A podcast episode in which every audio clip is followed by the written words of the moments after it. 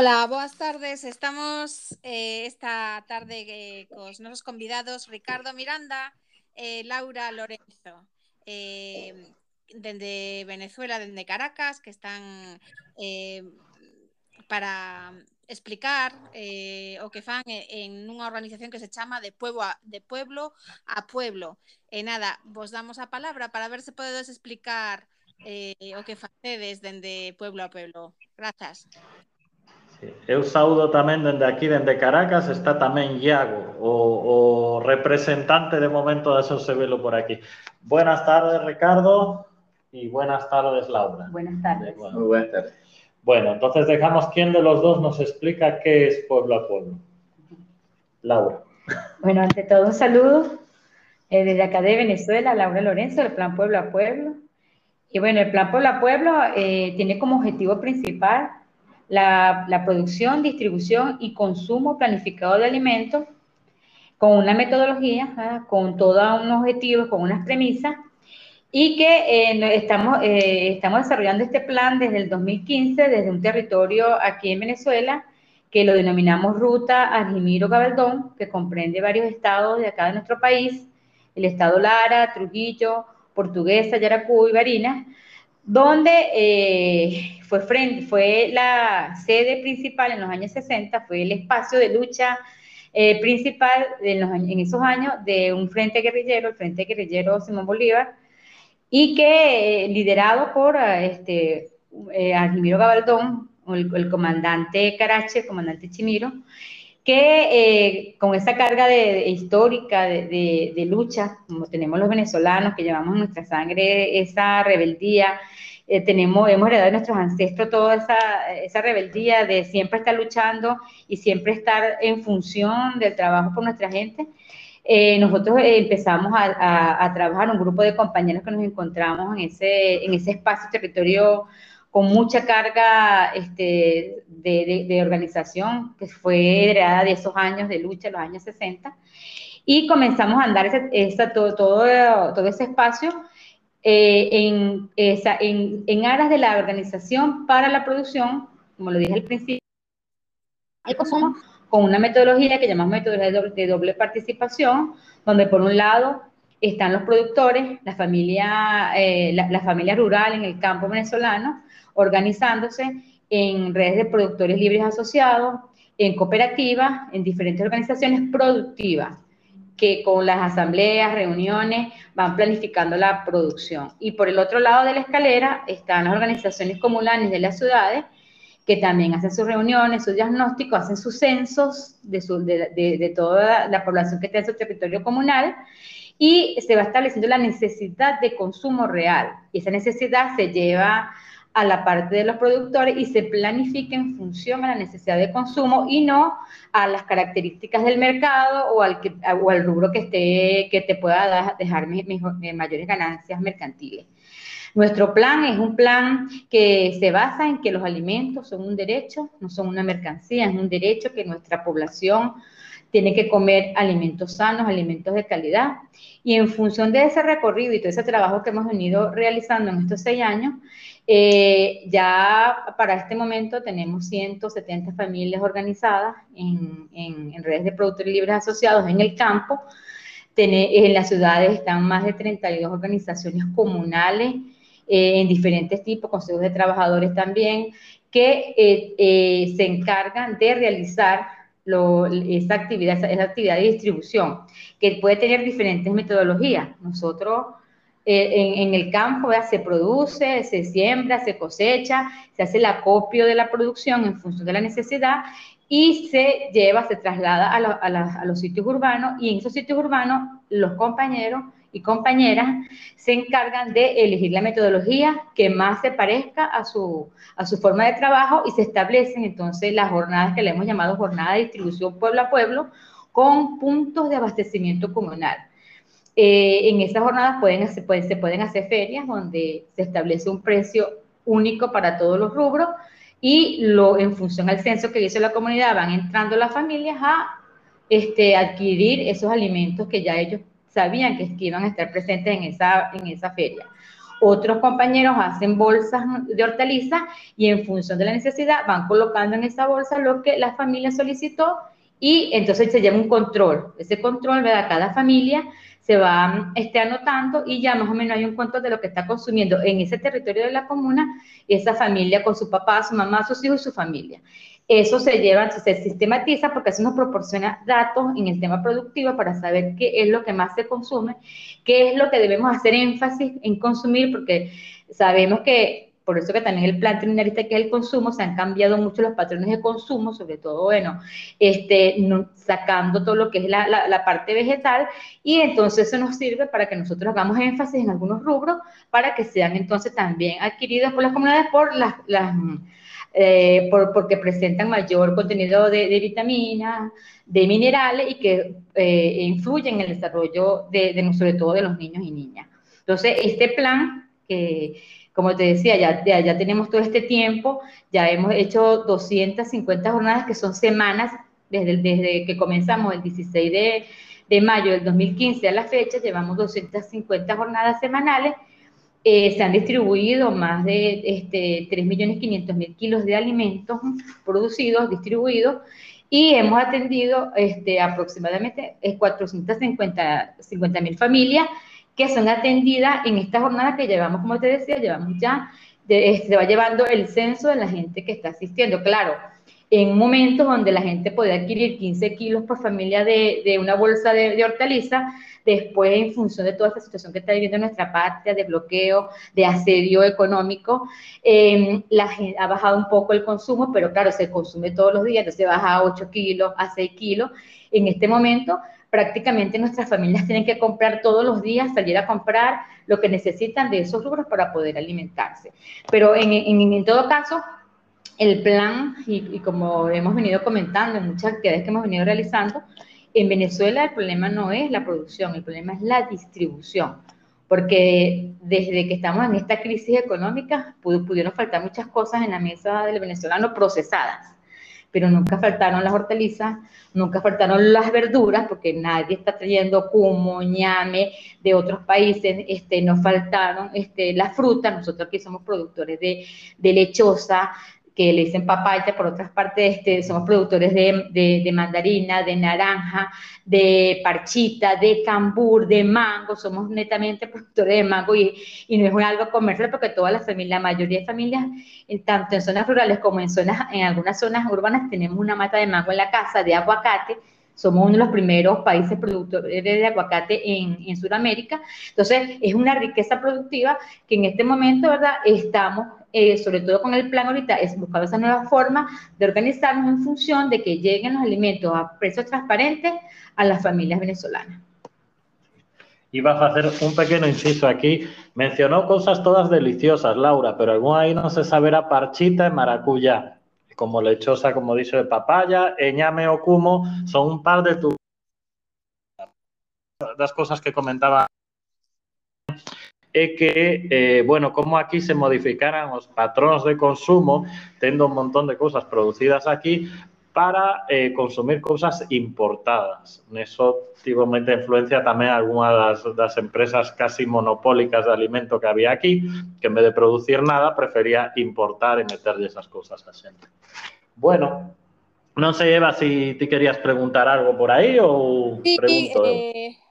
Sí, no, bueno, pregunta a ti eh, e logo se podemos saber eso un pouco máis do, do que falaba desde isto da da, das importacións e, eh, que a, a profundizar un pouco máis neso do, do que se de que, do que se importaba antes e eh, como cambiaron os hábitos e eh, tamén eso o, o que o que chega de fora Entón, eh, o que falabades, bueno, esta é unha segunda grabación porque nos, nos saíra mal a primeira, e na primeira falamos un pouco deste tema, non do que do que viña de outros países, así como axuda internacional, e, e bueno, un pouco a, a crítica esa que, que se podería facer un pouco, para, para que teñamos claro un pouco.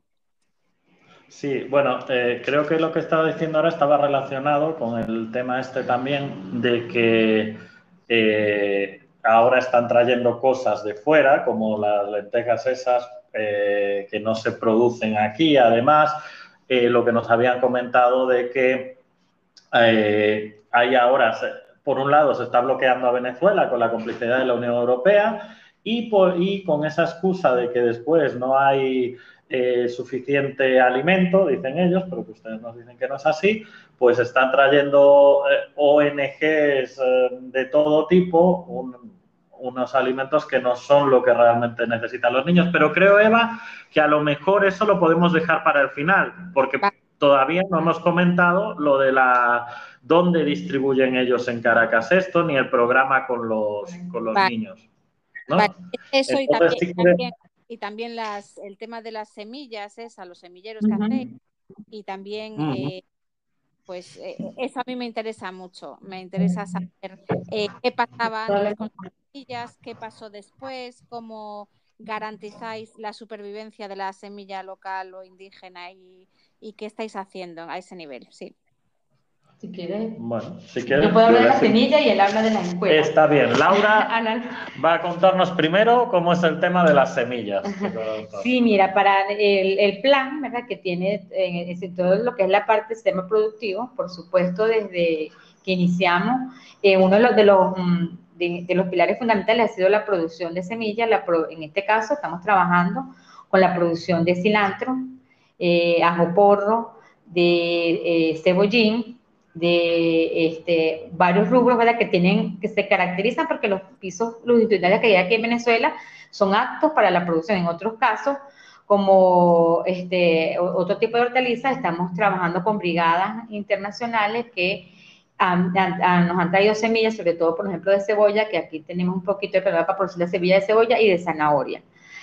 Con la parte de la papa hemos hecho la alianza estratégica porque aquí en Venezuela hay un, hay un un laboratorio ubicado en el estado de Mérida, en Mucuchíe, que donde están unos compañeros, los productores integrales del páramo, que trabajan todo lo que tiene que ver con la semilla de papa y con ellos hemos creado alianzas estratégicas para hacer, para formar los núcleos de semilleritas de papa, donde tanto variedades que se conocen como variedades que se han producido aquí en Venezuela o el rescate de la papa nativa, se está trabajando todo lo que es el tema de la producción. Eh, lo, en lo que tiene que ver con los insumos, también, eh, sobre todo eh, en lo que hemos vivido con este bloqueo, con esta situación de, asedio, han faltado algunos insumos que uno, uno dice para sus adentro, bueno, menos mal que fue así, todo lo que ha sido esos venenos, que destruyen nuestros organismos, que destruyen la salud. Entonces está, ahorita hay un arraigo más fuerte y hay más, este, en este caso, conciencia de la gente para aceptar la propuesta de la producción de abonos orgánicos. Nosotros tenemos una propuesta, estamos desarrollando, ya tenemos varios núcleos donde cada núcleo de producción tiene que tener su biofábrica, donde produzca la semilla, produzca los abonos, los abonos orgánicos, los té de vegetales, los té de bosta, donde se produzcan microorganismos eficientes, o sea, toda una cantidad que lo podemos producir con los recursos endógenos propios de la zona, que es lo importante, porque no tenemos que salir, sino que es, todo lo que está en la zona nos permite este, producir nuestros propios, en este caso, bioinsumos. Y en lo que tiene que ver, ¿verdad?, con esto, este, cómo amalgamamos todo este sistema, gracias al trabajo de, la organización con los compañeros, la, la gente que va produciendo la semilla, entonces, hay, hay, toda una dinámica, ¿verdad? Que tú produces la semilla, tienes que dejar la semilla que necesite y la otra semilla que te puede quedar, la tienes que, este, en este caso, distribuir en la misma localidad. Y si te queda toda, todavía semilla para la localidad, lo puedes distribuir en, las, en el estado. Y uno de los que tenemos en este caso, uno de los planteamientos que tenemos para el futuro es poder intercambiar semillas con compañeros que ya hemos venido haciendo relaciones con compañeros de Nicaragua este, y de otros países para hacer intercambio de semillas entre los pueblos, que es algo muy importante y que nos va a garantizar la verdaderamente, verdaderamente la soberanía, porque la soberanía tiene que ver con esa capacidad que tienen nuestros pueblos de producir sus semillas, sus insumos de decidir qué van a producir, cómo van a producir, cuándo van a producir, con quién van a producir y, por supuesto, cómo vamos a distribuir nuestros alimentos. Ahí radica la verdadera soberanía y en eso estamos montados ahorita en Venezuela y hemos hecho ese tipo de relaciones que, que toda esta crisis mundial, que no es nada más en Venezuela, nos ha permitido crear esas alianzas. De hecho, tenemos, valga la redundancia, una alianza con los compañeros, unos compañeros de Estados Unidos, la Alianza por la Soberanía Alimentaria, que también han creado sus, brigadas de semilla y nos han proporcionado una semilla que estamos replicando en este momento en el territorio venezolano para tenerla y poder entonces también distribuirla en nuestros centros de producción y ya no depender de la semilla de las grandes transnacionales, de las grandes transnacionales que están en el mundo, que lo que hacen entonces es producir semilla de mala calidad semillas llenas de veneno que este, no garantizan en todo caso la calidad de los productos que estamos produciendo. Muy bien. Muy bien explicado, Laura. Explicarlo en la escuela también. También. No, tiene que explicar. Ricardo cede la palabra aquí a Laura de nuevo para contarnos también qué es lo que hacen en las escuelas, que nos habían contado en nuestra primera grabación fallida. Exacto, también. De Santo, ese recorrido que estamos haciendo por, por nuestros territorios, eh, hemos visto, ¿verdad?, la situación que está en, las escuelas, pues uno ve que la alimentación, o sea, ahorita es fundamental alimentar, siempre ha sido fundamental alimentar a los niños y a las niñas, y sobre todo cuando están en esta etapa de inicio de, su, de, la, de lo que es la etapa escolar. Entonces, en función a eso, desde el 2018 hicimos también una alianza estratégica con el programa de alimentación escolar que hay aquí en Venezuela y nuestros productores y productoras, en primer término, Aquí en Venezuela, la verdad, eh, más o menos la matrícula es de más de 20, de, de 5 millones de niños y niñas adolescentes que están en, el programa de escuela, 22.500 escuelas, y el 18% de esas escuelas están ubicadas en zonas rurales, que son zonas que están distantes, que tienen matrícula baja y que las familias productoras se hacen cargo, en el caso de los territorios donde está avanzando el plan, se hacen cargo de llevar esos rubros vegetales necesarios para el alimento día a día este, de, toda la, esa población infantil, se lo garantizan esos productores en la zona. En las escuelas y liceos de las ciudades, que son matrículas más eh, grandes, de 1.500, 2.500 estudiantes, este, entonces se hizo esta alianza y en esto de tiempo, 2018, 2019, 2020, interrumpido un poco por lo de la pandemia, pero donde se estableció por parte de, todo ese trabajo que se entregaban los alimentos a, las madres procesadoras de alimentos en las escuelas y la familia iba a buscarlos en las escuelas. Eh, ya nosotros entonces hemos hecho esto, una serie de jornadas que se hacen eh, los 15, dos veces al mes en las escuelas, se han entregado aproximadamente este, eh, más de 200 mil kilos de, alimentos, en este caso son hortalizas netamente y fruta, y hemos atendido en cada jornada 14.400 niños. Repito, eh, nosotros estamos trabajando ahorita con las escuelas que están en los ejes donde tiene trabajo el plan pueblo a pueblo. Nuestra, en el futuro, nuestra, tenemos proyectado incidir en más escuelas y que esta metodología sirva para que se aplique a nivel nacional y podamos garantizarle, ¿verdad? En vez de darle solamente arroz, que sea espagueti, que no se produce aquí en Venezuela, otro rubro procesado, garantizarle entonces sobre todo fruta, frutas mm, directamente, no hechas en jugo, sino fruta directamente a, toda esta población infantil, a, la población adolescente y este, todo lo que tiene que ver con hortaliza. Em, también este plan, en este momento, ¿verdad? Sabemos que, por ese ahogamiento que le tienen también al gobierno en función de obligarnos a aceptar una ayuda humanitaria que Venezuela no estaba en ningún momento, ¿verdad? Nuestro pueblo, nuestro pueblo es un pueblo de lucha, un pueblo que ante las refriegas que hemos tenido se ha levantado y siempre ha estado de pie, eh, se ha obligado a, aceptar un programa de, programa mundial de alimentación donde nos están trayendo arroz, lenteja, sal y, aceite. Nosotros aquí en Venezuela tenemos un estado que produce sal, puede producir sal para muchos países.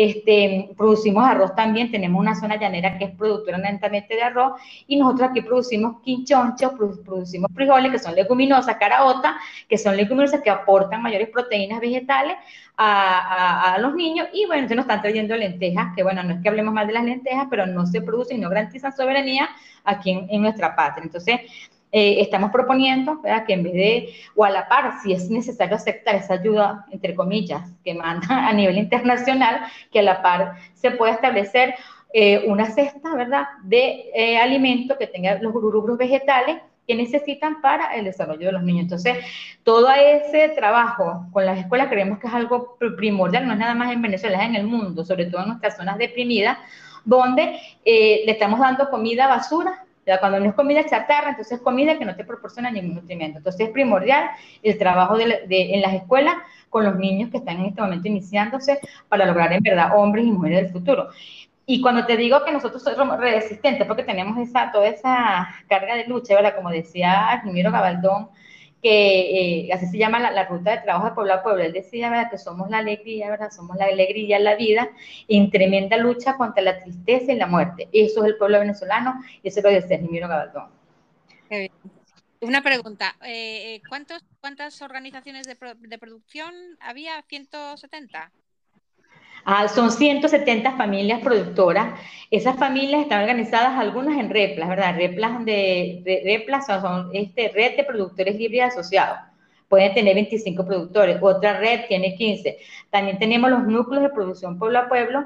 También están los este, colectivos de producción, cooperativas de producción que no, ahí no importa el número, ahí importa la disposición que tiene la familia, porque ahí el trabajo muy importante recalcarlo, y menos mal que lo preguntaste, es el trabajo de la familia en el campo, y sobre todo en esta crisis que dice que la gente dice, mira, por ahí escucho los comentarios, no, en Venezuela estamos atrasándolo porque ahora en vez de utilizar tractor, estamos utilizando la tracción animal, los bueyes, pero mira, si eso es una, sobre todo en nuestras zonas altas, que es donde estamos nosotros ubicados, que la mejor forma de preparar la tierra es con, el, con, los, con la tracción animal, porque eso evita, ¿verdad?, la destrucción y la, eh, de los suelos. Entonces, eh, ese trabajo es en familia, trabaja la familia, el papá, la mamá, los hermanos, eh, trabajan los niños cuando no están en, sus horas escolares. Entonces, esas familias, que son 170 que tenemos organizadas, y en los consejos comunales son más de 32 organizaciones comunales, consejos de trabajadores, que cada quien tiene su espacio de, de, de acción y tiene su número de familias que atiende. ¿Y, el número de familias eh, os solicita a vosotros o es a través de vuestra organización que vais? Eh, ¿cómo, ¿cómo, funcionó la, eh, en sí la unión? Mira, la unión funcionó por la organización. Nosotros, una de las cosas que más valoramos de todo ese periodo que tuvimos con, la, con, la, con el comandante Chávez, este, cuando inició en el 99, fue que se, se empoderó la gente, hay un empoderamiento de la organización y de, y de, y de encontrar. Entonces nos encontramos, los pueblos se encuentran, en este caso los territorios nos encontramos. Entonces al, al, en Venezuela ahorita eso, eso funciona mucho lo, lo, lo, de lo, que es la comunicación entre las organizaciones populares. Entonces, este, a medida, nosotros a medida que íbamos trabajando en el campo, habían conexiones con las ciudades y cuando uno, nosotros comenzamos en una comuna, el 16 de mayo del 2015 comenzamos en una sola comuna, la comuna El Panal 2021 en una barrera muy popular de aquí de Caracas que se llama el 23 de enero.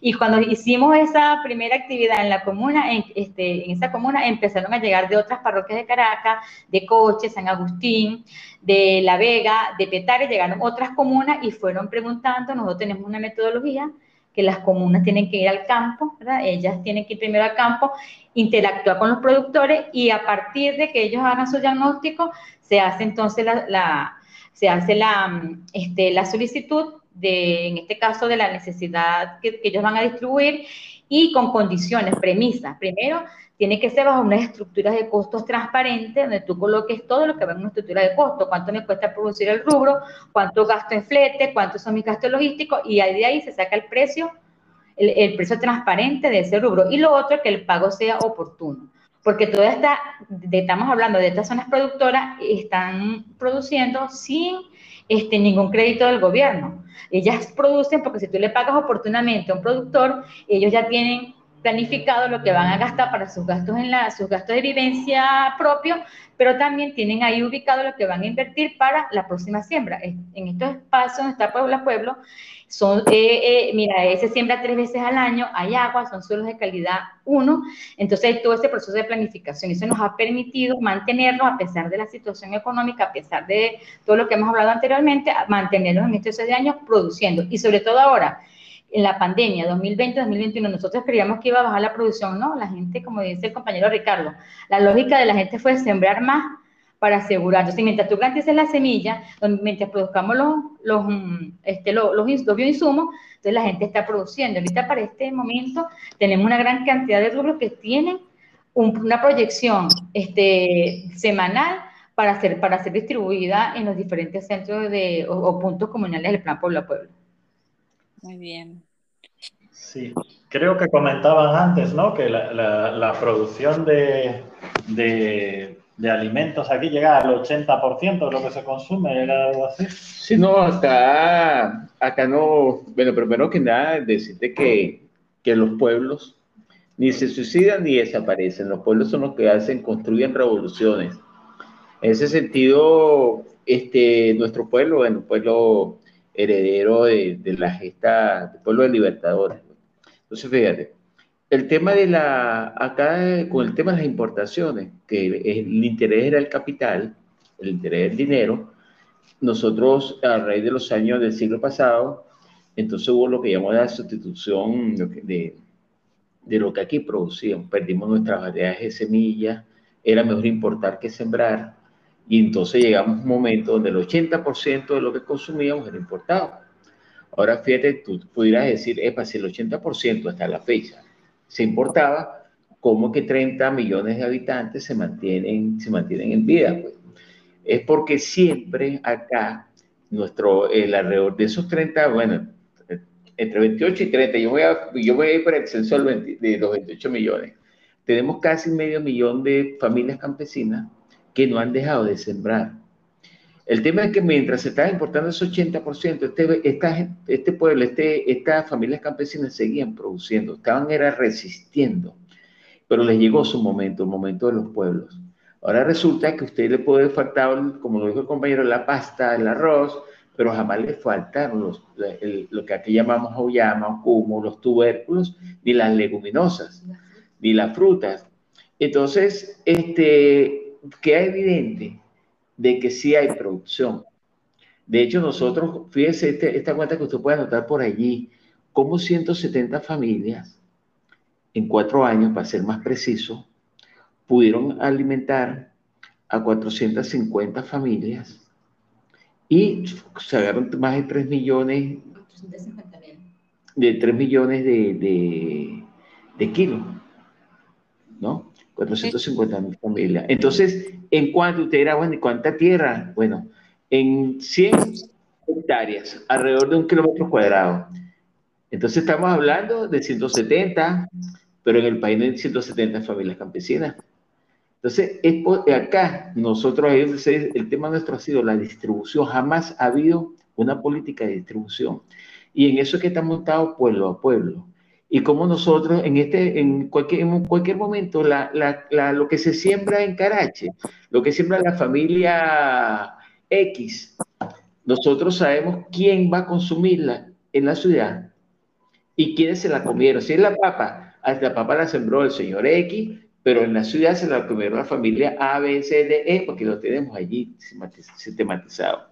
Y el tema del patrón de consumo, que es importante, porque aquí a nosotros nos quitaron de los anaqueles, del siglo pasado, mediados del siglo pasado, nos, sacaron los frijoles, las, las caraotas, nos metieron lo que, las lentejas, eh, nos metieron la, colocaron la pasta, pero ahora estamos retomando nuestra, nuestra producción y como, también nuestra, retomando también lo que son nuestras semillas. ¿Qué es lo que nosotros necesitamos? Nosotros aquí no necesitamos eh, eh, de esa ayuda, como lo señaló la compañera, de esos rubros. Nosotros necesitamos que cese el bloqueo a los pueblos, cese el bloqueo de los pueblos. Y en este caso, para nosotros seguir avanzando en el tema de nuestra semilla, ¿qué necesitamos de, de, de, de los gallegos? Podríamos decir, Epa, que nos ayuden con semillas para nosotros replicar variedades, e inclusive nosotros podemos intercambiar semillas con ustedes allá entonces, es el tiempo de los pueblos. Nosotros lo estamos haciendo con, lo hicimos con Nicaragua. Nosotros los compañeros en su balance de pago, ellos el 80% de lo que producen, el, ellos tienen de lo que consumen, el 80% lo producen ellos. Ah, pero en la papa, en la papa no lo tenían. Nosotros le dijimos, bueno, la vamos a traer papa. Y nos preguntaron, ¿cuántos containers? No, compañeros, nosotros vamos a traer semillas para que ustedes la reproduzcan y ustedes se empoderen de la semilla de papa y la rieguen por toda Centroamérica.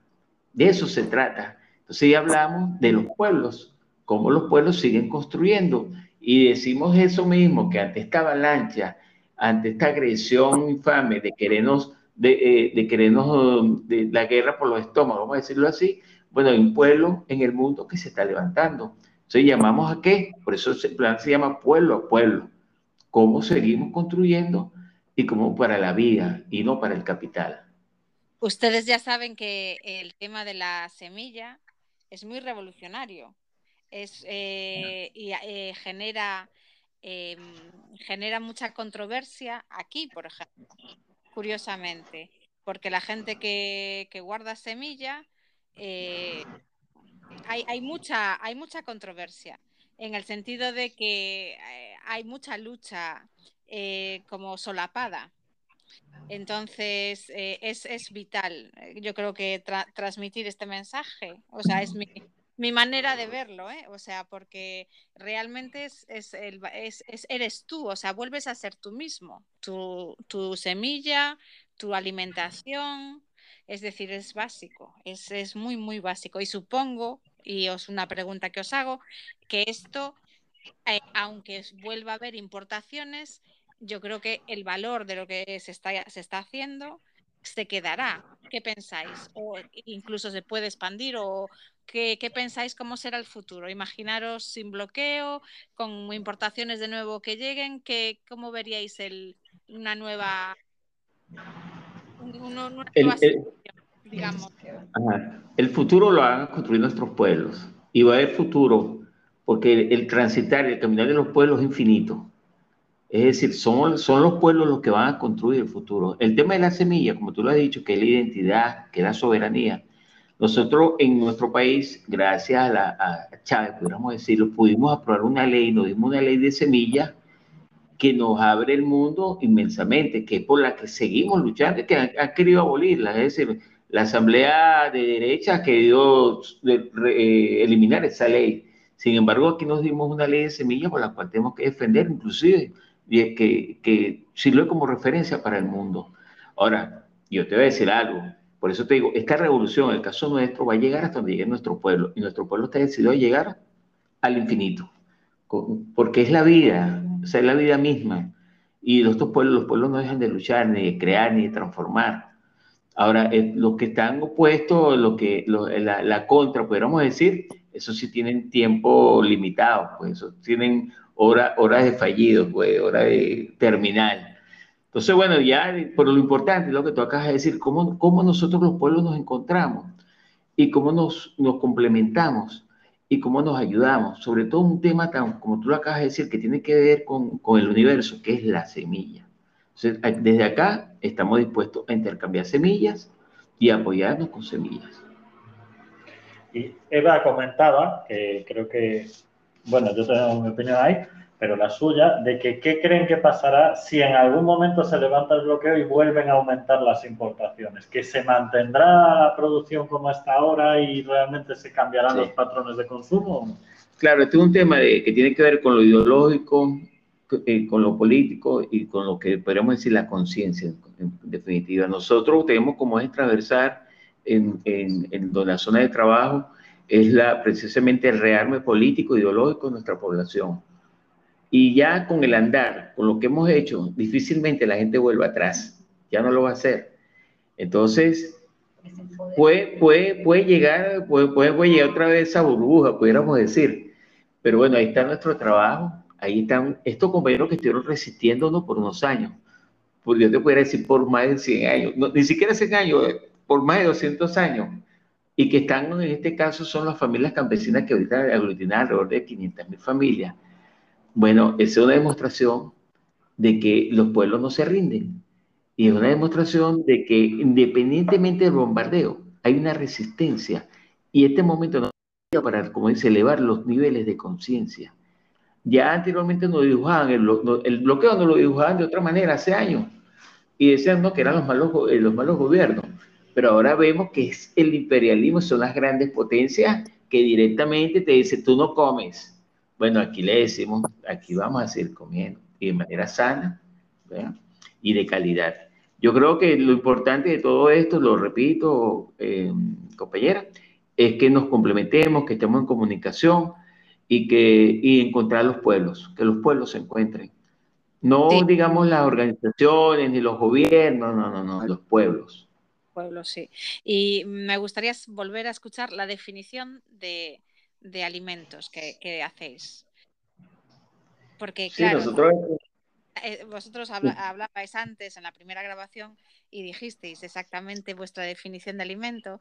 Y, claro, lo que decías ahora mismo, que eh, las grandes potencias, bueno, el tema, pues eso, muy capitalista de grandes empresas, etcétera, de monopolios, lo que sea, que intenta, pues, la caridad, ¿no? O sea, tú no comes o tú comes esto, tú te asignamos esta cantidad, pero no tienes acceso a poder ni siquiera, eh, es que realmente poder crear tu comida es ser libre, ¿no?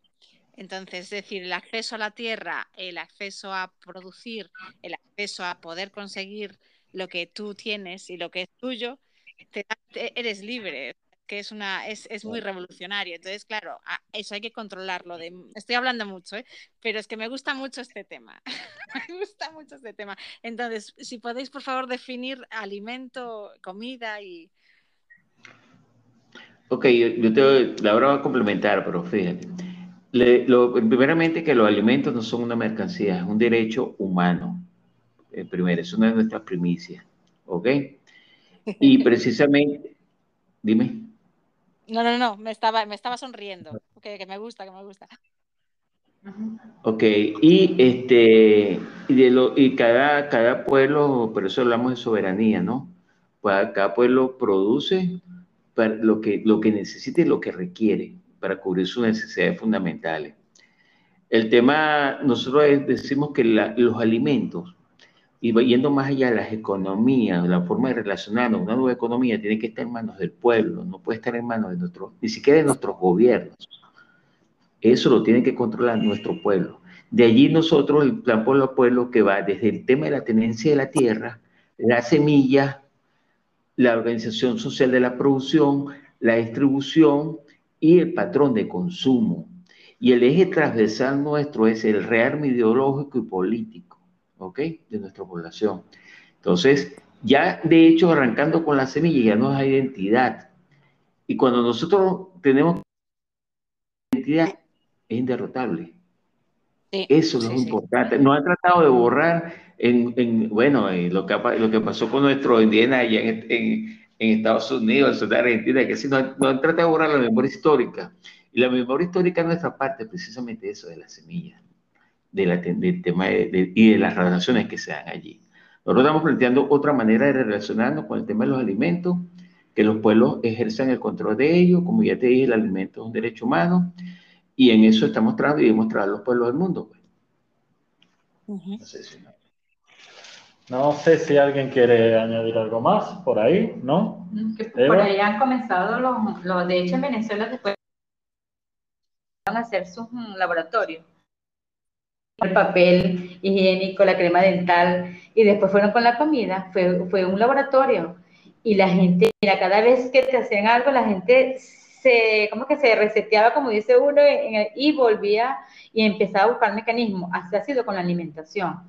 Entonces la gente creía, este, creía que nos iban a derrotar por el estómago, porque esto, se llama la guerra de, la comida, de los estómagos. Vamos a ponerlos de rodillas porque no van a comer. Y sin embargo, mira, la gente volvió, ya no es la harina precocida, con las diferentes marcas, una harina muy conocida que, que la produce un, un, industrial aquí en que se dice que es el que decía que era la historia, que él dice que, que con, con, ellos nosotros aprendimos a comer, y eso no es así. Nosotros aprendimos a comer arepa con, nuestro, con nuestros ancestros porque el maíz viene, nosotros somos de maíz, como decía por ahí un escritor mexicano, somos de maíz, nosotros somos de maíz, este, perdón, guatemaltecos, somos de maíz. Entonces, ellos eh, empezaron por, esa, por eso, de quitarnos la comida. Entonces, la gente comenzó a sembrar otra vez su maíz en, la, en, en el patio y a garantizar, entonces, a sacar cuenta cuántos sacos de maíz necesito para estar todo el año comiendo arepa, ya sea arepa pelada, aquí, aquí en la arepa pelada, hay que en el maíz en un fogón, le echan un poquito de, de, de cal y la pelan y después la muelen y eso es una tremenda arepa, hacen ayacas o empezaron a, a, a sembrar el maíz para hacer jojotos y hacer cachapa, que, que, es también una arepa que hacen aquí en Venezuela.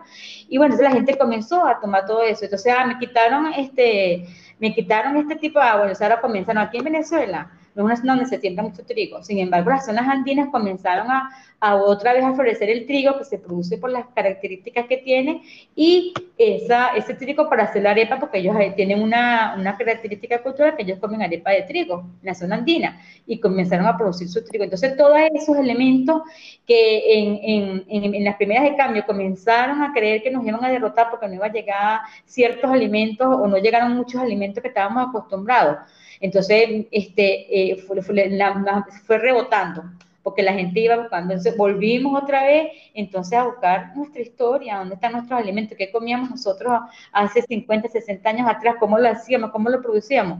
Y yo creo que ahí ha estado como, como, dijimos, como dijeron los compañeros al principio, había estado esa por qué nosotros todavía estamos aquí de pie y estamos comiendo, comiendo porque estamos comiendo. Entonces, este, y claro, y ahí se ríen, ah, esos que tienen patria, patria porque no nos podemos comer una nucita, que es una marca de una cuestión comercial aquí, no sé, me imagino que está en otras partes del mundo.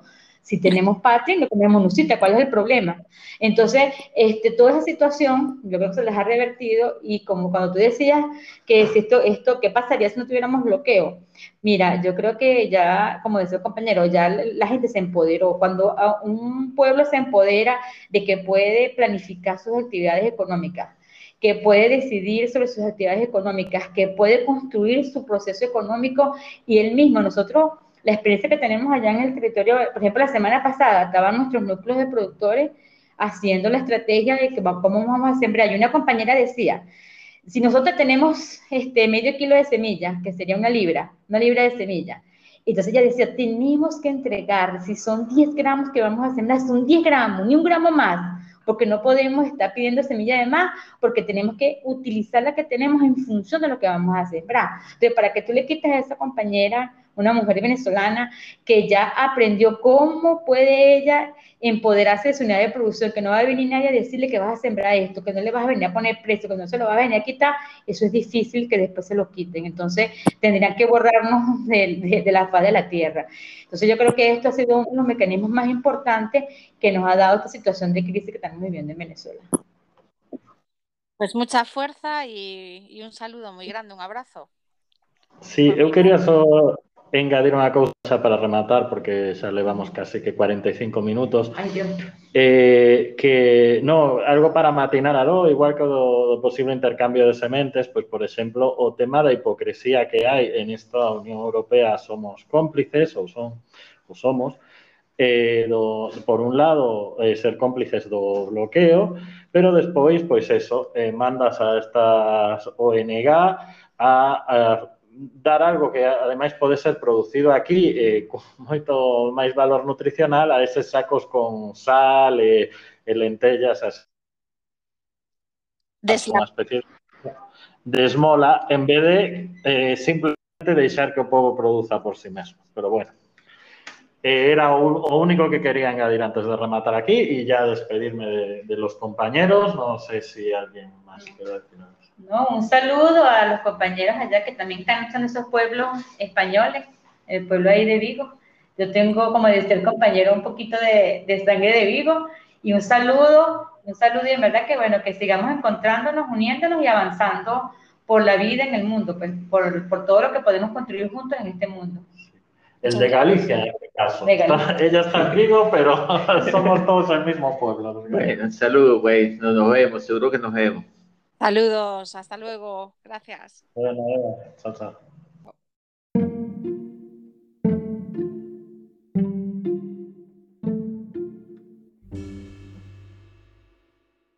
Agrupación xosevelo.gal